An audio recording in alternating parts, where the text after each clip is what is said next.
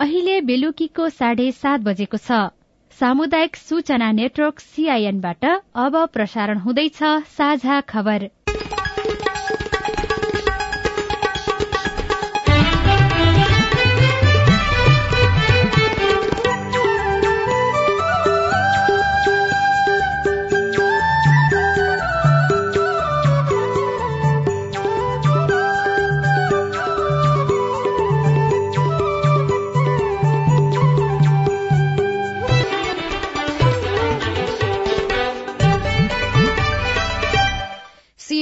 साझा खबरबाट सोभिता रिसालको नमस्कार। साझा खबर देशभरिका सामुदायिक रेडियो सीआईएन खबर र मोबाइल एप सीआईएनमा पनि सुन्न सकिन्छ।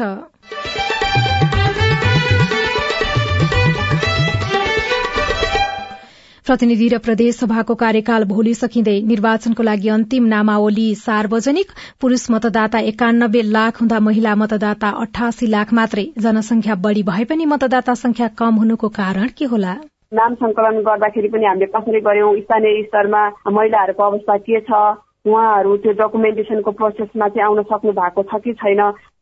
संसदको पाँच वर्ष कार्यकाल सन्तोषजनक रहेको एमाले अध्यक्ष ओलीको भनाई निलम्बित प्रधान न्यायाधीश सबराबारे प्रतिवेदन बुझाउने नबुझाउने भन्नेमा समितिमा सदस्यहरू विभाजित न्यायालयमा संकट आएको भन्दै विज्ञहरूको चिन्ता? न्यायपालिकाले जुन क्षति अहिले बिहोरेको छ त्यो क्षतिलाई अविलम्ब न्यूनीकरण गर्ने र सम्बोधन गर्ने कोसिस गरेनौ भने बाँकी कसैले प्रजातन्त्र टिकाउन सक्दैन। यस वर्षको दशैंको टीकाको साइत असोज उन्नाइस गते बिहान एघार एकाउन्नमा प्रदेशसभामा प्रभावकारी तवरले काम गर्न नसकेको सांसदहरूको गुनासो संघीय सरकारको समन्वय अभाव भएको आरोप। आफूले चाहे जति गर्न चाहिँ अलिकति गर्न सकिएन। अब अझै गर्न बाँकी छ जस्तो त्यो काम पुरा नभए जस्तो भएको छ अहिलेसम्म। जति गर्न पर्थ्यो त्यति गर्न पाइएन। कि जस्तो पनि लागिरहेछ र भारतमाथि ऐतिहासिक जित निकाल्दै नेपाल महिला साफ च्याम्पियनशीपको फाइनलमा नौ राष्ट्रिय खेलकुदमा पुरूष क्रिकेटको स्वर्ण पदक नेपाल पुलिसलाई।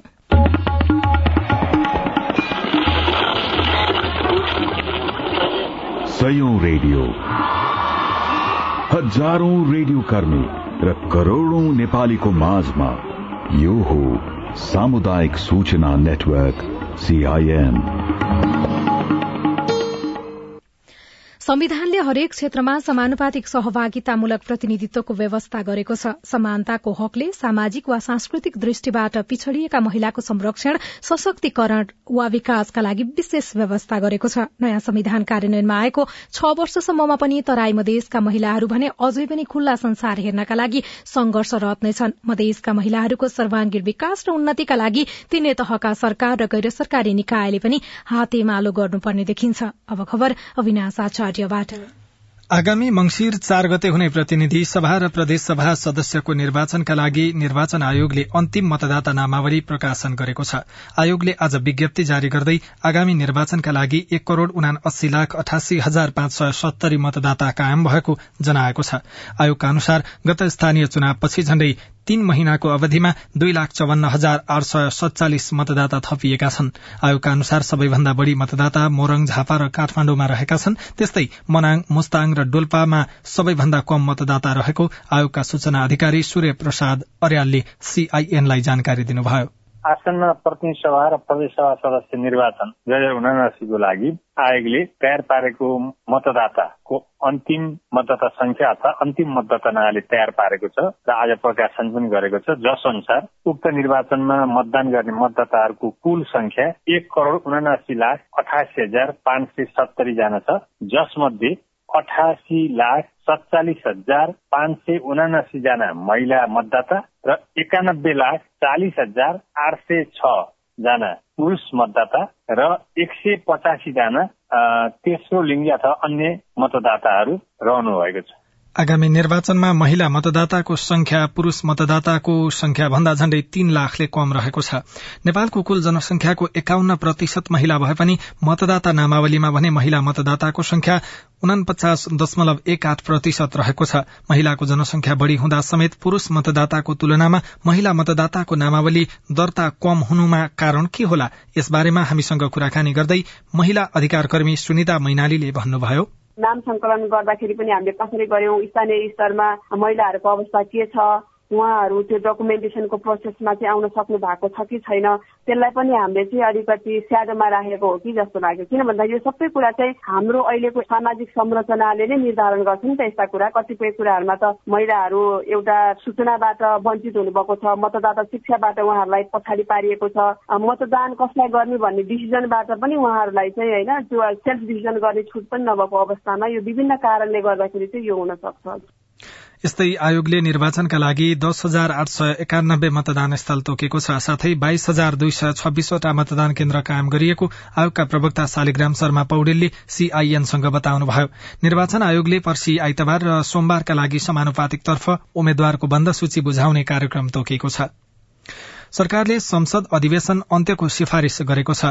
आज बिहान प्रधानमन्त्रीको सरकारी निवास बालुवाटारमा बसेको मन्त्री परिषदको बैठकले भोलि मध्यरातीदेखि संसदको एघारौं अधिवेशन अन्त्यका लागि राष्ट्रपति समक्ष सिफारिश गर्ने निर्णय गरेको हो। यसअघि सरकारले संसदको कार्यकाल लम्ब्याउन कानून संशोधनको प्रयास गरेको थियो तर यसको विरोध पनि भएको थियो। सरकारले संसद अधिवेशन अन्त्यका लागि सिफारिश गरेसँगै संसदमा सत्ताइस विधेयक निष्क्रिय हुने भएका छनृ। आयोगले पनि आजै विज्ञप्ति जारी गर्दै दुई हजार चौहत्तर सालमा दलहरूले बुझाएको समानुपातिक तर्फको बन्द सूची भोलि राति बाह्र बजेपछि स्वत कायम नरहने स्पष्ट पारेको छ। आयोगका प्रवक्ता पौडेलले आज विज्ञप्ति जारी गर्दै यस सम्बन्धी जानकारी राजनैतिक दललाई दिने र राजपत्रमा पनि सूचना जारी गर्ने उल्लेख गर्नुभएको छ। प्रमुख प्रतिपक्षी दल एमालेका नेता केपी शर्मा ओलीले प्रतिनिधि सभाको यो कार्यकाल सन्तोषजनक रहेको बताउनु भएको छ। संसदीय दलको अन्तिम बैठकमा आज अध्यक्ष ओलीले प्रतिनिधि सभाप्रति आफ्नो समीक्षा सुनाउँदै सांसदहरूलाई गाउँ गाउँ जान पनि निर्देशन दिनुभयो। एमाले सांसद बिन्दा पाण्डेका अनुसार प्रतिनिधि सभाको शुरूआती कालमा आफू नेतृत्वको सरकारले राम्रो साथ पाएको समीक्षा ओलीले सुनाउनु भएको थियो। चुच्चे नक्सा सर्वसम्मत पारित गरिनु ऐतिहासिक काम भएको संसदले सरकारलाई अघिल्लो कार्यकालमा राम्रोसँग सघाएको अध्यक्ष ओलीको भनाई थियो। अब हामीले यो पाँच वर्षमा दलको हिसाबले जे गर्नुपर्ने थियो त्यो काम हामीले सफलतापूर्वक गरेका छौँ। अब हामी भोलिको मध्यरातबाट हामी संसद रहँदैनौँ। त्यसले गर्दाखेरि अब भोलि पछि चाहिँ नि आफ्नो आफ्नो क्षेत्रमा गएर अब मङ्सिर चार गतिको निर्वाचनको लागि तपाईँ हामी सबैजना चाहिँ नि अब खट्नुहोस्। र अब त्यस पछाडि अहिलेको जनमत हाम्रो पक्षमा छ त्यसलाई चाहिँ नि अझै बलियो बनाएर निर्वाचनमा जानुपर्छ। अन्य सांसदहरूले पनि केही आफ्ना अनुभवहरू सुनाउनु भयो त्यस्तो केही भएन। हाम्रो एकदमै छोटो मात्रै बोल्नु हो। कसैले बोल्नु भएन। प्रतिनिधि सभाको कार्यकाल भोलि राति बाह्र बजेपछि सकिने उल्लेख गर्दै ओलीले एमालेलाई सरकारमा ल्याउने गरी लाग्न सांसदहरूलाई निर्देशन दिएको पनि सांसद बिन्दा पाण्डेले बताउनुभयो। निलम्बित प्रधान न्यायाधीश चोलेन्द्र शमशेर जबराबारे प्रतिवेदन बुझाउने कि नबुझाउने भन्नेमा महाअभियोग सिफारिश समितिमा सदस्यहरू विभाजित भएका छन्। सत्तारूढ़ नेपाली कांग्रेस र माओवादी केन्द्रका सांसदहरूले भोलि संसदको कार्यकाल सकिनु अघि नै प्रतिवेदन तयार पारेर सभामुखलाई बुझाउनु पर्ने चाहना राखेका छन् भने प्रमुख प्रतिपक्षी नेकपा एमालेका सांसदहरूले भने अध्ययन नै पूरा नभएको बताएका छन्। यसैबीच जबराले दुई वर्ष अघि श्रीमती रेजी राणाको नाममा चौविस आना भन्दा बढ़ी जग्गा जोडेको भेटिएको छ। न्याय परिषदले महाअभियोग सिफारिश समितिलाई उपलब्ध गराएको जबराको सम्पत्ति विवरण अनुसार सत्र असार दुई हजार सतहत्तरमा उनले एक रोपनी आठ आना तीन पैसा एक दाम जग्गा किनेको पाइएको हो। यो जग्गा आठ करोड़ छब्बीस लाखमा खरिद गरेको विवरणमा उल्लेख छ। विज्ञहरूले भने न्यायालयमा पहिलो पटक यति धेरै संकट आएको भन्दै चिन्ता व्यक्त गरेका छन्। पूर्व प्रधान न्यायाधीश कल्याण कुमार श्रेष्ठले न्यायालयमा देखिएको संकटको प्रमुख कारण नै राजनैतिक स्वार्थ र भ्रष्टाचारी मानसिकता भएको बताउनुभयो।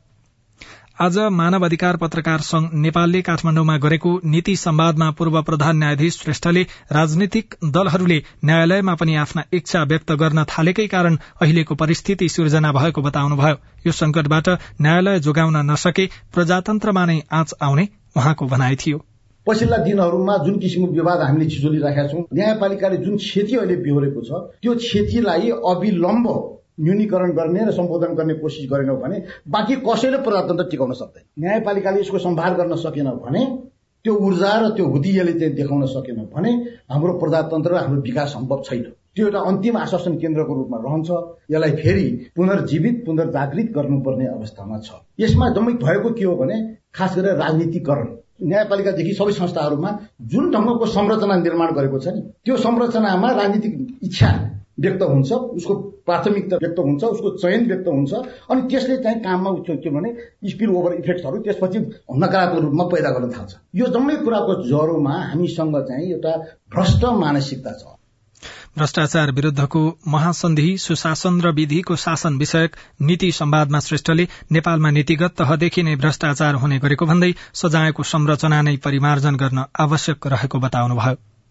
यस वर्ष विजया दशमीको सायद असोज उन्नाइस गते बुधबार बिहान एघार एकाउन्न बजे उत्तम रहेको नेपाल पञ्चाङ्ग निर्णायक समितिले जनाएको छ। त्यस दिन बिहान दस चौतिस बजे देवी विसर्जन गरी एघार एकाउन्न बजेको सायदमा मान्यजनबाट देवीको प्रसादका रूपमा टीका लगाउन सकिने समितिले जनाएको छ। पूर्वी मोहडा गरेर टीका लगाउनु पर्ने पनि समितिले जनाएको छ। विजया दशमीका दिन दिनभर टीका लगाउन सकिने भए पनि सायदमै टीका लगाउन चाहनेका लागि यो सायद दिइएको समितिका अध्यक्ष समितिका अध्यक्ष प्राध्यापक श्री कृष्ण अधिकारीले जानकारी दिनुभयो। यस्तै यस वर्ष असोज दश गते सोमबारदेखि नवरात्र हुँदैछ। नवरात्रको पहिलो दिन घट स्थापनाका लागि बिहान दस तेइस बजेको सायद शुभ रहेको छ। असोज एघार गते झण्डा फेर्ने सायद एघार एघारमा उत्तम रहेको समितिका कार्यकारी निर्देशक सूर्य प्रसाद ढुङ्गेलले बताउनुभयो। साझा खबरमा अब खेल खबर। छैठौं संस्करणको महिला साप च्याम्पियनशीप फुटबलको उपाधिका लागि नेपाल र बंगलादेश खेल्ने भएका छन्। आज त्रिपुरेश्वर स्थित दशरथ रंगशालामा भएको सेमी फाइनलमा भारतलाई एक शून्यले हराउँदै नेपालले फाइनलमा स्थान बनाएको हो। आजै भएको पहिलो सेमी फाइनलमा भूटानलाई आठ शून्य ले हराउँदै बंगलादेश पनि उपाधिको दावेदारीमा पुगेको हो। फाइनल खेल सोमबार हुनेछ। र नवौं राष्ट्रिय खेलकुद अन्तर्गत पुरूष क्रिकेटमा नेपाल पुलिस क्लबले स्वर्ण पदक जितेको छ। आज कृतिपुर स्थित टीयू क्रिकेट मैदानमा भएको फाइनलमा त्रिभुवन आर्मी क्लबलाई आठ विकेटले हराउँदै विभागीय टोली नेपाल पुलिस क्लबले स्वर्ण जितेको हो।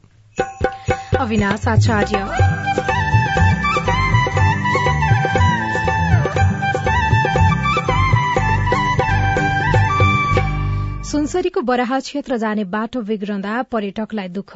नगरपालिका तर्फबाट चाहिँ जेसीबीको व्यवस्था गरेर त्यसलाई चाहिँ समाधान गर्ने प्रयास गरिरहेका छौँ र सड़क विभागले पनि त्यहाँ कर्मचारी खटाएर र जेसीबी स्ट्यान्डबाई राखेर चाहिँ त्यो पहिरो हटाउने काम गरेछ।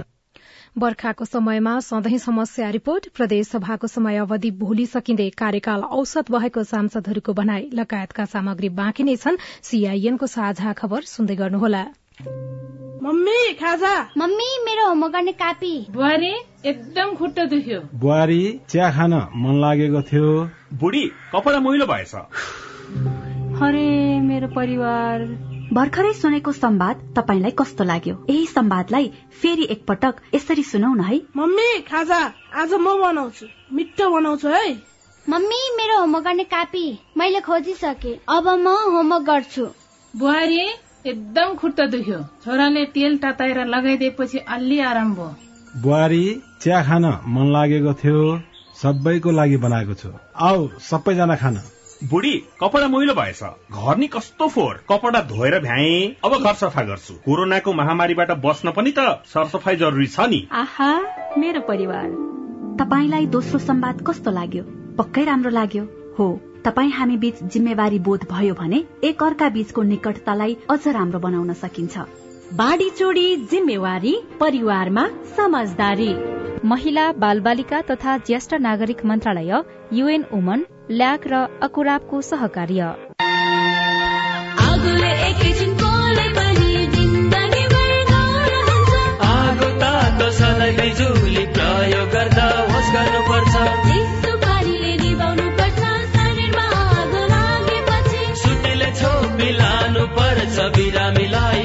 बिरामीलाई स्वास्थ्य चौकी। नानी हुन्न भान्सामा खेल्नु तातो र बल्ने सामान हुन्छ होस गरी चलाऊ स्टोभ र ग्यास भुइँमा पकाए दुर्घटना बढ्छ।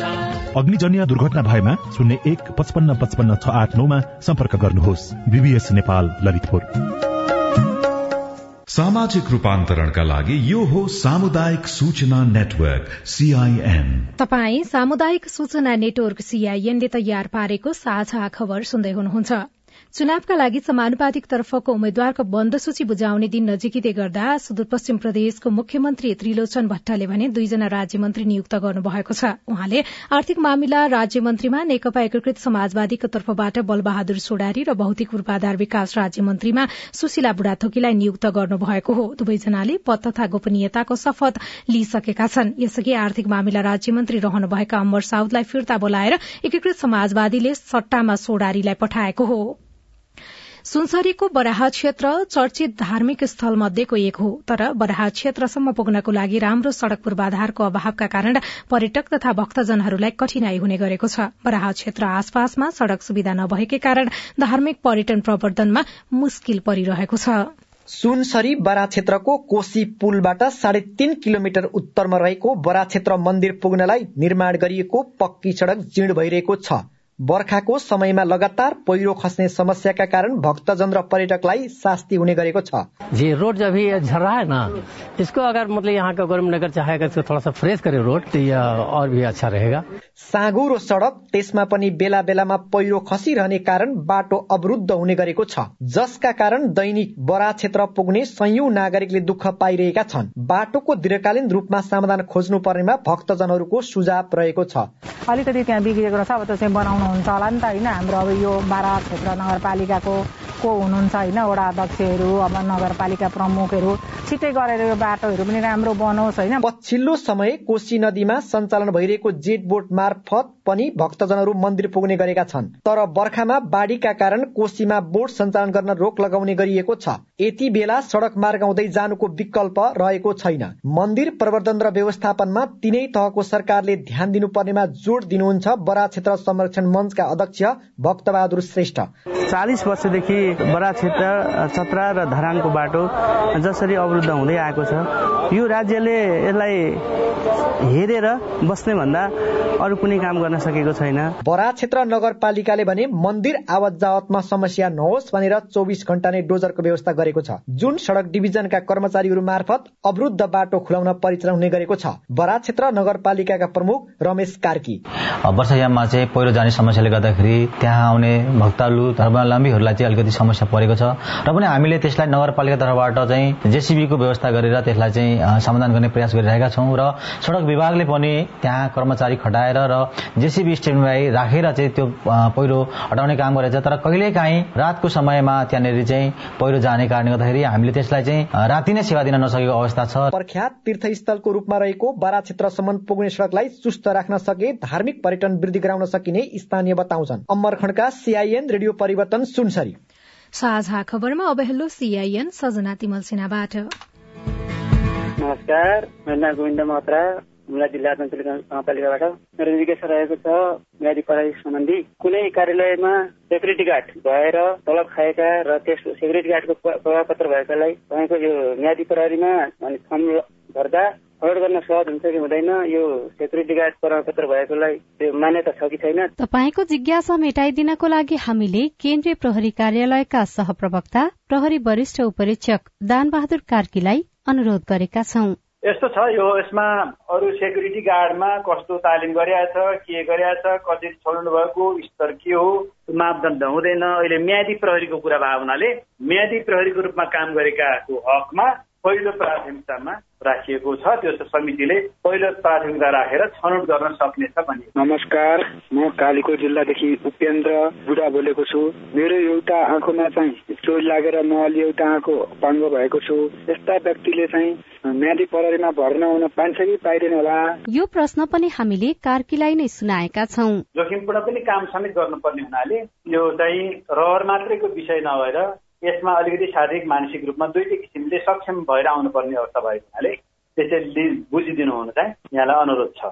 नमस्कार मेरो नाम विष्णुराज बुढा पलाता गाउँपालिका वडा नम्बर एक पुलाहा कालीकोट। यहाँ खेलकुदको अभाव छ केही खेलकुद सामानहरू भलिबल फुटबल क्रिकेट बास्केटबल जस्ता खेलहरू उपलब्ध गराइदिन मेरो सानो म पलाता गाउँपालिका अध्यक्ष विष्णुबहादुर रोकाले मेरो कार्यकाल सुरु भएदेखि गर्ने कामहरू मैले गरेको लगभग अहिले पलाता गाउँपालिकाका तिसजना खेलाडीहरू। राष्ट्रिय गेम सेलेक्सनको लागि सुर्खेतमा पठाइयो। अहिले चारजना राष्ट्रिय गेम खेल्नको लागि पोखरा जानु भएको छ। मैले गर्ने भनेको युवा जगतलाई अझ खेलकुदलाई विशेष प्राथमिकता दिने भन्ने कुराहरू हाम्रो सरकारले पल्ला गाउँपालिका सरकारले गर्ने कामहरूमा हामी चिन्तित छौँ एकदम गम्भीर छौँ। बरु ती भाइहरूको लागि मैले के सुझाव दिन चाहन्छु भने उहाँहरूले सिजनल तपाईँको खेल गेम भन्दा पनि कहिले इन्डिया पुग्ने कहिले गाउँमा पुग्ने कहिले कहीँ जाने यस्ता समस्याहरू हुन भएन। निरन्तर हामी एउटा खालको खेलकुदलाई व्यवस्थित गर्दैछौँ सङ्गठित गर्दैछौँ र त्यसलाई तपाईँको संस्थागत ढङ्गले विकास हुने गरिकन त्यो भाइको सुझावको लागि धन्यवाद। तपाईँ जुनसुकै बेला हाम्रो टेलिफोन नम्बर शून्य एक बान्न साठी छ चार छमा फोन गरेर आफ्नो प्रश्न जिज्ञासा गुनासा अनि समस्या रेकर्ड गर्न सक्नुहुनेछ। तपाई सामुदायिक सूचना नेटवर्क सीआईएनले काठमाण्डुमा तयार पारेको साझा खबर सुन्दै हुनुहुन्छ। साझा खबर मोबाइल एप नेपाली पात्रोबाट पनि सुनिरहनु भएको छ। प्रदेश सभाको पाँच वर्ष कार्यकाल भोलि सकिँदै कार्यकाल औसत रहेको सांसदहरूको भनाए जति गर्न पर्थ्यो त्यति गर्न पाइएन कि जस्तो पनि लागिरहेछ। आफूले चाहे जति गर्न चाहिँ अलिकति गर्न सकिएन। अब अझै गर्न बाँकी छ जस्तो त्यो काम पुरा नभए जस्तो भएको छ अहिलेसम्म। विशेष गरी संघसँग जोडिएका कानून बनाउन बाधा पुगेको गुनासो रिपोर्ट प्रदेश सभा प्रभावकारी बनाउन संघ सरकारसँगको समन्वय कतिको आवश्यक हुन्छ? लगायतका सामग्री बाँकी नै छ। सीआईएनको साझा खबर सुन्दै गर्नुहोला। बालबालिकालाई लगाउँदै गरेको खोपमा चाहिँ बालबालिकाहरू कहाँ गएर लगाउनु पर्ने र खोप लगाउन जाँदा के के लिएर जानु पर्ने त्यसबारे बताइदिनुहोस् न। मेरो जिज्ञासा के छ भनेपछि हामी विद्यार्थीहरू एकदमै जोखिममा छौँ तर पनि हामीहरूले समयमा खोप उपलब्ध हुन सकेको छैन।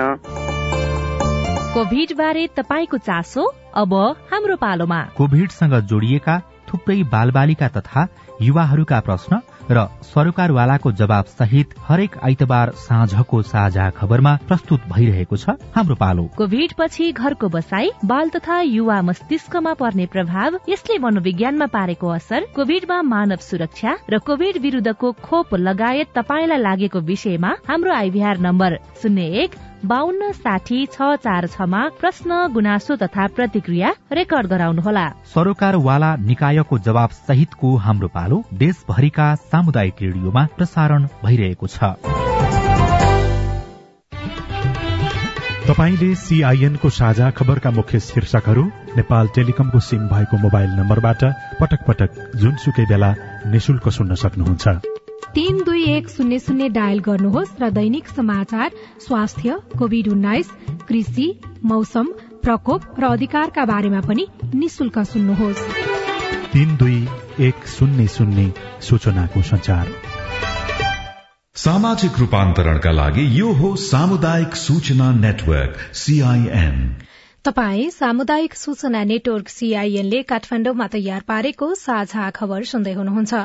प्रतिनिधि र प्रदेशसभा सांसदहरूको कार्यकाल भोलिबाट सकिँदैछ। साथै प्रदेशबाट प्रत्यक्ष र समानुपाती गरी पाँच सय तीसजना सांसद निर्वाचित भएकोमा कार्यकाल सकिँदै गर्दा पाँच सय चौध जना प्रदेश सांसद हाल बहाल रहेका छन्। प्रदेशको पाँच वर्ष कार्यकाल कस्तो रह्यो?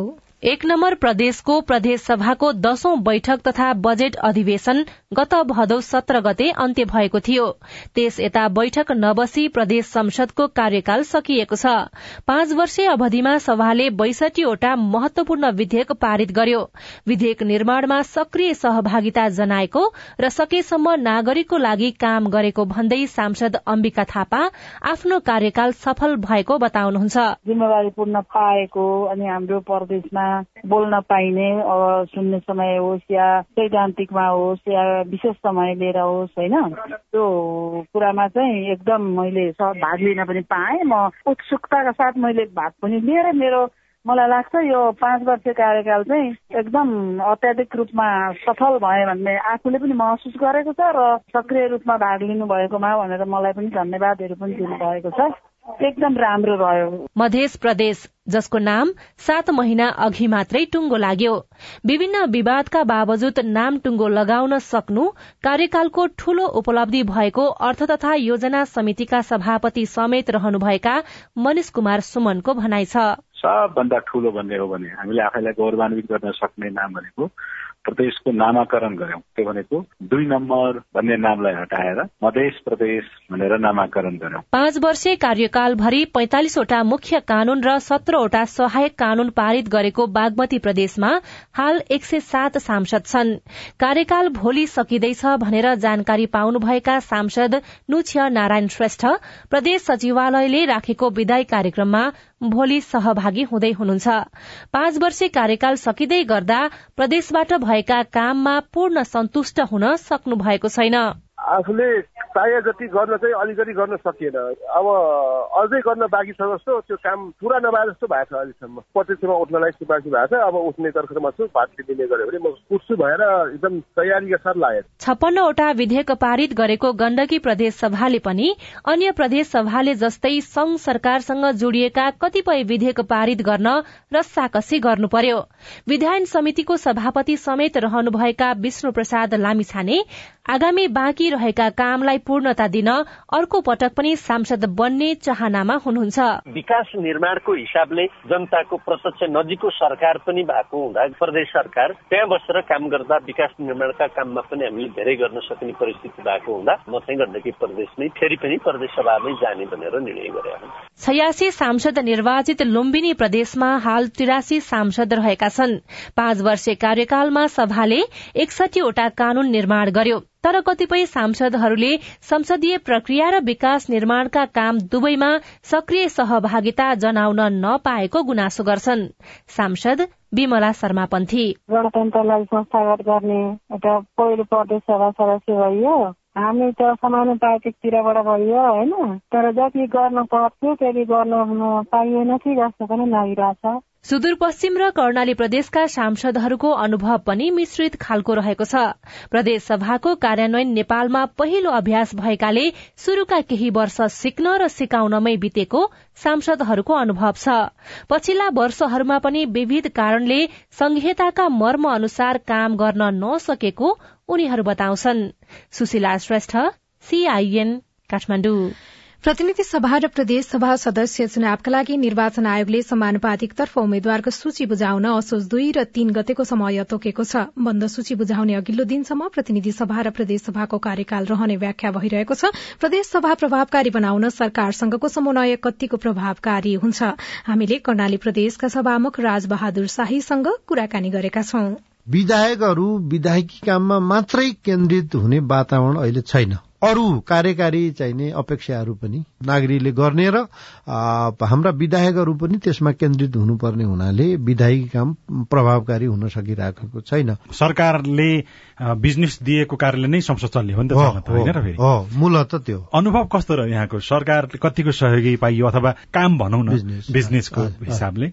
सरकारले काम दिने र नदिने कुरा चाहिँ के कुराले निर्धारण गर्दो रहेछ? के गर्न खोजिएको छ त्यसको प्रस्ताव उसले ल्याउने हो। त्यो प्रस्तावलाई परिपूर्ण बनाउने काम इनपुट दिने काम प्रदेश सभाको। हो सरकार खास गरी उसको कति महत्वाकांक्षी छ उसले गर्न खोजेका के छ भन्ने निर्भर हुने हुनाले सरकारको पर्फर्मेन्ससँग प्रदेश सभाको पनि पर्फर्मेन्स जोडिएको हुनाले सरकार जति तदारुकताका साथ अगाडि बढ्यो कामहरू पनि त्यति नै सिर्जना हुने हुन्। सात प्रदेशमा सुदूरपश्चिम मध्य प्रदेश बाहेक अरू प्रदेशमा सरकारहरू फेरबदल हुने मुख्यमन्त्रीहरू फेरिने यो अभ्यास देखियो। को नेतृत्वमा पुग्दाखेरि अलिक धेरै सजिलो हुँदो रहेछ भने यहाँको अनुभव केही भन्न मिल्छ होइन उमेरका आधारमा मूल्याङ्कन गरिनु हुँदैन भन्ने लाग्छ मलाई। उसको चाहिने प्रतिबद्धता के हो? उसले के गर्न चाहिने खोजिराखेको छ भन्ने कुराले नै निर्धारण हुने हो।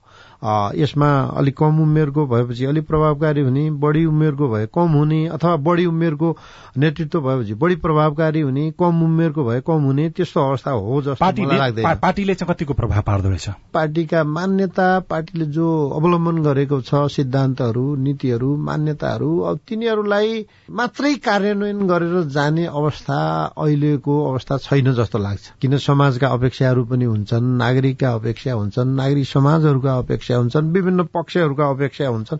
तिनीहरूको प्रभावमा पनि सरकारहरू पर्छन् जस्तो म मान्छु। विशुद्ध पार्टीको विचारमा सरकारहरू अगाडि बढ्न सक्ने अवस्था म देख्दिन। राजनीतिक दलहरू बीचमा सरकार बनाउने फेरि भत्काउने अथवा फेरि परिवर्तन गर्ने अभ्यास चल्यो नि। अप्ठ्यारो भएको अथवा सजिलो भएको जस्तो महसुस हुँदो रहेछ कि रहेनछ यो राजनीतिक आरोह अप्रोहले। दुई तिहाईको चाहिँ बहुमत ल्याउँदाखेरि पनि सरकारहरू स्थिर हुन सकेनन्। सरकारहरूले कन्टिन्यू अवधि चाहिने काम गर्न सकेनन्। एकदमै अस्थिर मनोविज्ञानबाट गुज्रिरहेछौँ सबै व्यक्ति संस्थाहरू। सातै प्रदेशको अभ्यास सबै सबै। सरकारहरू जो अस्थिर भए सबै माननीयहरू चाहिने मन्त्री हुनुपर्ने उहाँहरूको मनोविज्ञान बन्ने सबै दलका नेताहरू प्रधानमन्त्री बन्नुपर्ने मनोविज्ञान जो सिर्जना भइराखेका छ र त्यसले सरकारहरू कन्टिन्यू भइराखेका छैनन् यो हेर्दाखेरि हामीले केही संवैधानिक चाहिने प्रबन्धहरूमा परिवर्तन गरेर कार्यकारी र विधायकी कामलाई स्पष्ट ढङ्गले छुट्याउनु पर्छ जस्तो लाग्दछ। जस्तो यो कसरी व्याख्या गर्नु पर्यो अथवा के गरियो भने चाहिँ अझ सजिलो हुन्छ यही सन्दर्भमा यहाँको? विधायकहरू जो कानून बनाउने भनेर निर्वाचित भएर आउँछन् उहाँहरू सरकारमा जानुहुन्न। सरकारमा चाहिँ बाहिरबाटै लिनुपर्छ जस्तो लाग्छ तर अहिलेको अभ्यास त सांसद नभइकन न मन्त्री बन्न पाउँछ न प्रधानमन्त्री बन्न पाउने स्थिति। त्यसमा परिवर्तन गर्नुपर्छ। कार्यकारी काम भनेको छुट्टै काम हो विधायकी काम भनेको छुट्टै काम हो जो निर्वाचित भएर आउँछन् उहाँहरूले विधायी काममा केन्द्रित हुनुपर्छ। त्यो गर्नलाई संवैधानिक व्यवस्थाहरूमा केही परिवर्तन गर्नुपर्छ। प्रतिनिधि र प्रदेशसभाको कार्यकाल भोलि सकिँदै निर्वाचनको लागि अन्तिम मतदाता नामावली पनि प्रकाशनमा आएको छ। पुरूष मतदाता एकानब्बे लाख चालिस हजार हुँदा महिला मतदाता अठासी लाख सड़चालिस हजार मात्रै रहेका छन्। निलम्बित प्रधान न्यायाधीश जबराबारे प्रतिवेदन बुझाउने नबुझाउने भन्नेमा समितिमा सदस्यहरू विभाजित भएका छन् र भारतमाथि ऐतिहासिक जित निकाल्दै नेपाल महिला साफ च्याम्पियनशीपको फाइनलमा पुगेको छ। आजलाई साझा खबरको समय सकियो। प्राविधिक साथी सुरेन्द्र महेन्द्र सिंहलाई धन्यवाद। भोलि असोज एक गते बिहान छ बजेको साझा खबरमा फेरि भेटौँला। अहिलेलाई सोभिता रिसाल पनि विदा हुन्छु। नमस्कार शुभरात्री।